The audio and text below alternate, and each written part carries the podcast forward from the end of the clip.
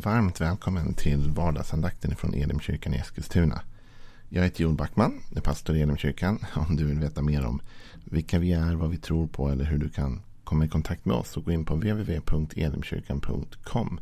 Där hittar du all information om oss. Du kan också gå in på facebook.com elimeskilstuna eller gå in på YouTube och sök upp Elimkyrkan Eskilstuna. YouTube och Facebook är bra för om du vill hänga med i alla våra livesändningar. Och vi har ju en del sådana på onsdagar och söndagar och sen också vid andra tillfällen. Till exempel i helgen då vi hade en lovsångskonsert från Elimkyrkan. Den ligger kvar på Facebook om du vill kolla på den. Bara gå upp och kolla där. Vi har jobbat lite grann med olika saker. Sist var det vad vi kallar för Lilla Bibeln. Johannes 3 och 16. Idag tänkte jag att vi skulle läsa lite grann ur, ur Efesierbrevet. Och det är några verser där som jag tänkte att jag vill gå igenom den här veckan. Kanske inte hela veckan, men i alla fall några dagar av den här veckan vill jag stanna upp för det. Och det är från Efesierbrevets femte kapitel. Och i Efesierbrevet 5 så läser vi de första tre verserna. Och de säger följande. Ta alltså Gud till föredöme som hans älskade barn Lev i kärlek så som Kristus har älskat oss och utlämnat sig för vår skull som en offergåva. Ett välluktande offer åt Gud. Det är de två verserna jag vill stanna upp i idag, så förlåt de två första.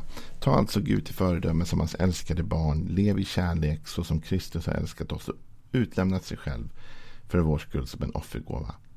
Att ta Gud som föredöme. Det finns faktiskt eh, en annan bibelöversättning. Jag läser ju ofta Bibel 2000. Men ibland så måste man kolla de andra självklart för att få ett breddat perspektiv. Och i folkbibeln så gillar jag faktiskt den här formuleringen ännu bättre just nu. I folkbibeln står det så här. Bli Guds efterföljare, ni som är hans älskade barn och lev i kärlek så som Kristus älskat oss och utlämnat sig själv för oss som offergåva som ett välluktande offer åt Gud. Bli Guds efterföljare. I Bibel 2000 stod det ha Gud som föredöme. Men jag gillar efterföljare lite mer. Därför efterföljare passar in i den bibliska kontexten av lärjungaskap. Att bli lärjunge, att följa efter, att lära av. Att ta intryck av och bli som Jesus. Ni som är hans älskade barn. Det är den här versen jag vill stanna upp vid idag. Och det finns en märklig, eh, vad säger man, skiljelinje här mellan efterföljelse och barn, att vara Guds barn. Det är intressant att Paulus säger i Efesierbrevet att vi är hans barn, eller hur? Ni som är hans älskade barn. Vem är det då? Jo, men Paulus skriver till en kyrka, till troende i Efesus. Så det här är inte bara alla människor är Guds barn. Så funkar inte Bibeln riktigt. Och vi ska gå in på det. Utan han skriver till en församling och han säger till dem, ni i den här församlingen, ni är Guds älskade barn. Men sen säger han, bli också Guds efterföljare. Han säger inte precis så, men det är det som blir sammanfattningen av detta, eller hur? Bli Guds efterföljare, ni som är. Så han säger, ni är redan Guds barn, eller hur? Ni som är hans älskade barn. Men ni behöver också bli efterföljare. Det här är lite olika saker, eller hur? Barnaskap, eller liksom så, hör ihop med identitet. Ibland brukar vi lite skämtsamt säga att man väljer inte sina föräldrar. Och så är det ju. Jag menar, man föds in i en familj, eller hur? Barnet kan själv inte välja vem som är mamma eller vem som är pappa. Eller vilken identitet den föds i, vilken familj den föds i. Det där är utanför på ett sätt vår kontroll. Men vi kan välja om vi vill bli som våra föräldrar eller inte. Det är ett val vi har. Och många människor väljer att bli det. Därför att man har haft bra föräldrar, man har haft en, en positiv förebild i livet och man har formats av dem och man ser upp till dem och man tänker det här är bra. Liksom. Jag vill bli som mamma eller jag vill bli som pappa eller något sånt. Men många människor väljer också att inte bli som sina föräldrar. Därför man har inte haft bra föräldrar. Man har haft föräldrar som har svikit en eller inte funnits där eller vad som helst som har haft någon sorts problematik som har gjort att man har inte växt upp i ett bra hem. Och då kanske man som barn inte vill bli som sina föräldrar. Man kan inte ändra sin identitet. Man kan inte liksom på grund av att man hade dåliga föräldrar helt plötsligt låtsas som att man inte har dem. Den, den liksom genetiska, det genetiska arvet. För det har man. Man kommer aldrig ifrån det. Biologiskt kommer de alltid vara dina föräldrar. Men man kan välja att inte bli som dem. Och man kan välja att inte ta intryck av dem. Och lite så, eller hur, är det som Paulus säger här. Se till att ni inte bara har en identitet som Guds barn. Utan se till att ni också blir lika Gud. Så du och jag har ett val idag, varje dag. Att inte bara leva i den identiteten. Att inte bara säga jag är ett Guds barn. För det är klart att du kan vara. Utan också jag försöker leva som Gud. Jag försöker liksom hålla liv i familjearvet så att säga. Den förebild som är satt är den jag vill leva efter. Jag försöker i alla fall. Vi kan läsa om detta i Johannes 1, detta med barnaskapet. Låt oss börja där några minuter. Så här står det i Johannes 1 och vers 12 och det handlar om Jesus. Men åt dem som tog emot honom gav han rätten att bli Guds barn. Åt alla som tror på hans namn som har blivit födda, inte av blod, inte av kroppens vilja, inte av någon mans vilja, utan av Gud. Så här talas det om att Jesus, eller att, att Johannes säger att de som tog emot Jesus när han kom, de som valde att tro på honom, ta emot honom, bjuda in honom i sitt liv, de gav Jesus också rätten att bli ett Guds barn åt alla som tror på hans namn. Så när, som jag sa, Paulus i Efesierbrevet talar om att ni, hans älskade barn, då talar han om människor som har tagit emot Jesus, som har sagt ja till Jesus, som har trott på hans namn. Så om du och jag vill ha identiteten ett Guds barn, då är det detta som gäller. Att vi tror på honom och tar emot honom. Här står det inte att vi måste vara lika honom, inte för att vara ett Guds barn.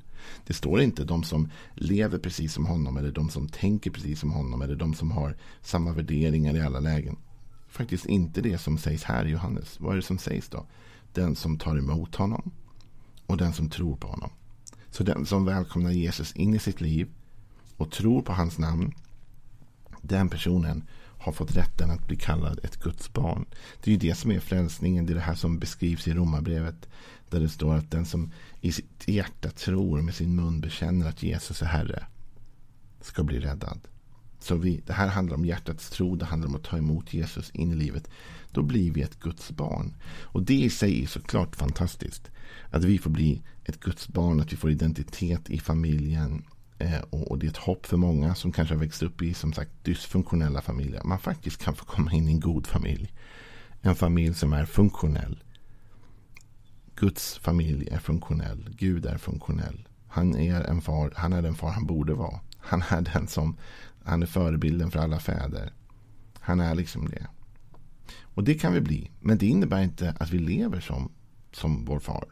Och det blir nästa del. Och det är väl det jag egentligen vill utmana dig till idag.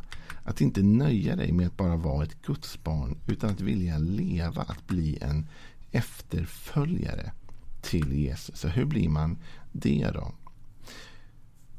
Jesus han talar vid ett tillfälle om eh, med det judiska folket. Och eh, då säger han så här i Johannes 8 vers 31. Till de judar som trodde på honom sa Jesus. Om ni förblir i mina ord är ni verkligen mina lärjungar. Ni ska lära känna sanningen och sanningen ska göra er fria. Lyssna, det finns något intressant med detta. Vad, vad börjar den här versen med? Det står till de judar som trodde på honom. Så här talas det om, om judar som tror. Ja, men vad vet vi om tron? Den som tror i sitt hjärta, eller hur?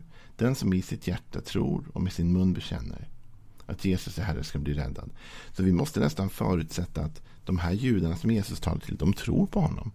De kanske har tagit emot honom, de är nog att klassa som Guds barn. Men Jesus säger, det innebär inte att ni är mina lärjungar. För han säger sen, om ni förblir i mitt ord är ni verkligen mina lärjungar. Här säger han inte att om ni förblir i mitt ord så är ni Guds barn. Guds barn är man av födseln. När man tar emot Jesus i sitt hjärta och blir född på nytt. Då är man ett Guds barn. Men Jesus säger om du vill vara en lärjunge. Då ska du förbli i mitt ord. Om ni förblir i mitt ord är ni verkligen mina lärjungar. Och att förbli i ordet. Det tänker jag mig är mång, liksom, har många djup. Det ena handlar såklart om att känna ordet. Du kan inte förbli ett ord som du inte känner till. Eller hur? Utan du måste veta vad ordet säger. Så det första är ju det du gör nu kanske. Att du lyssnar på en andakt. Att du lyssnar på en predikan. att du läser din bibel. Att du försöker läsa andlig litteratur. Att du på olika sätt förkovrar dig, lär dig mer om Guds ord. Och ju mer du lär dig om Guds ord så förblir du i ordet. Men sen är det inte bara att förbli i ordet, är det inte bara att höra ordet. Utan vi måste också bli ordets görare. Jakob talar om det i sitt brev. Han säger så här. Var inte bara ordets hörare utan även dess görare. Annars tar ni miste. Så att, vara en, att förbli i ordet är inte bara att höra ordet. Utan det är till slut att leva ordet. Och det är en viss process däremellan. Absolut. Ofta är det så att det är en liten resa från det att vi hör ordet till det att vi lever ordet. För ordet måste först komma in i oss. Vi måste reflektera över det. Vi kanske måste meditera över det. Vi måste fundera kring vad får det här ordet för konsekvenser i mitt liv. Vi måste fundera på hur kan jag leva ut det. Och sen måste vi kanske samla modet att faktiskt leva ut det. Men att förbli Guds ord innebär ändå någonstans hela den här processen av att möta Guds ord, ta det till sig, leva ut det. Och det är då, när vi börjar leva ut Guds ord, som vi verkligen blir Jesu lärjungar. När vi verkligen lever som vår far. Därför Jesus, han sa ju så. Jag gör bara det jag hör min fader. Jag gör bara det jag ser min fader göra och säger bara det jag hör min fader säga. Det innebär att Jesus själv var en lärjunge. Han ville bli som sin far. Han ville aktivt leva som sin far. Och han till och med gjorde det så noga så han säger det i evangeliet som jag nyss citerade.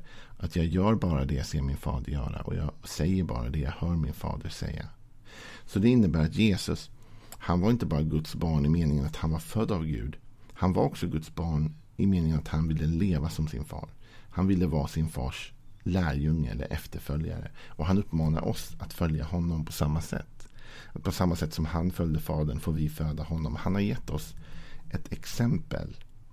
Så du och jag kan bli både barn och efterföljare. Det här har väl med utveckling att göra, eller hur? Jag tänker att när ett barn föds så har det omedelbart en identitet. Alla mina barn jag menar när de föddes hade ju en identitet. De var ju mitt barn och de fick ett namn väldigt fort. Som vi refererade dem till. liksom. De är inte namnlösa mina barn, de har namn. Vi gav dem den och de fick en identitet snabbt. Var del av familjen och det där lär de sig snabbt. Men sen, sen börjar ju en resa av att lära sig. Och så börjar en resa av att lära sig beteenden och sätt och hur man uttrycker sig och hur man läser, skriver, hur man får bete sig och allt det där. Där liksom vi som föräldrar är förhoppningsvis en förebild. Förhoppningsvis är vi liksom en måttstock att kunna leva upp till. Och vi vet att vi som föräldrar har brister, precis som alla föräldrar. Alla utom Gud då. Men på samma sätt är det med oss. Att när vi tar emot Jesus i vårt liv så blir vi, får omedelbart en identitet som ett Guds barn. Och ur ett perspektiv är allt vårt då, eller hur? Jag menar, redan från det att du föds är du arvinge. Redan från det att du föds har du rätt till allt i familjen om jag och min fru hade dött precis när våra barn föddes, då hade de varit arvingar, de hade ärvt. Någon hade fått hjälpa dem förvaltare till en start, men de hade haft rättigheter. Du och jag, vi får omedelbart rättigheter när vi föds in i Guds rike. Men vi blir inte omedelbart lärjungar. Lärjungaskap kräver en insats. Att vilja bli som sina föräldrar kräver ett engagemang. Och i Guds fall så handlar det om precis det som Jesus här läste. Låt oss läsa det igen, det han säger till till judarna. Han säger till judarna som trodde på honom, sa Jesus. Om ni förblir i mitt ord är ni verkligen mina lärjungar. Och ni ska lära känna sanningen och sanningen ska göra er fria. Så vi förstår också att, att lärjungaskap med Jesus har med sanning att göra. Att följa sanningen, att leva sanningen. Men det var här jag ville säga till dig idag. Nöj dig inte bara med den enorma identitet du har. Det kunde vi haft en vardagsandakt om bara det. Hur fantastiskt det är att få en ny identitet. Att få tillhöra en familj. Guds familj. Men nöj dig inte med det. Utan sök bli en lärjunge. Sök bli en efterföljare till Gud. Som Paulus skrev i sitt brev. Bli Guds efterföljare. Ni som är hans älskade barn.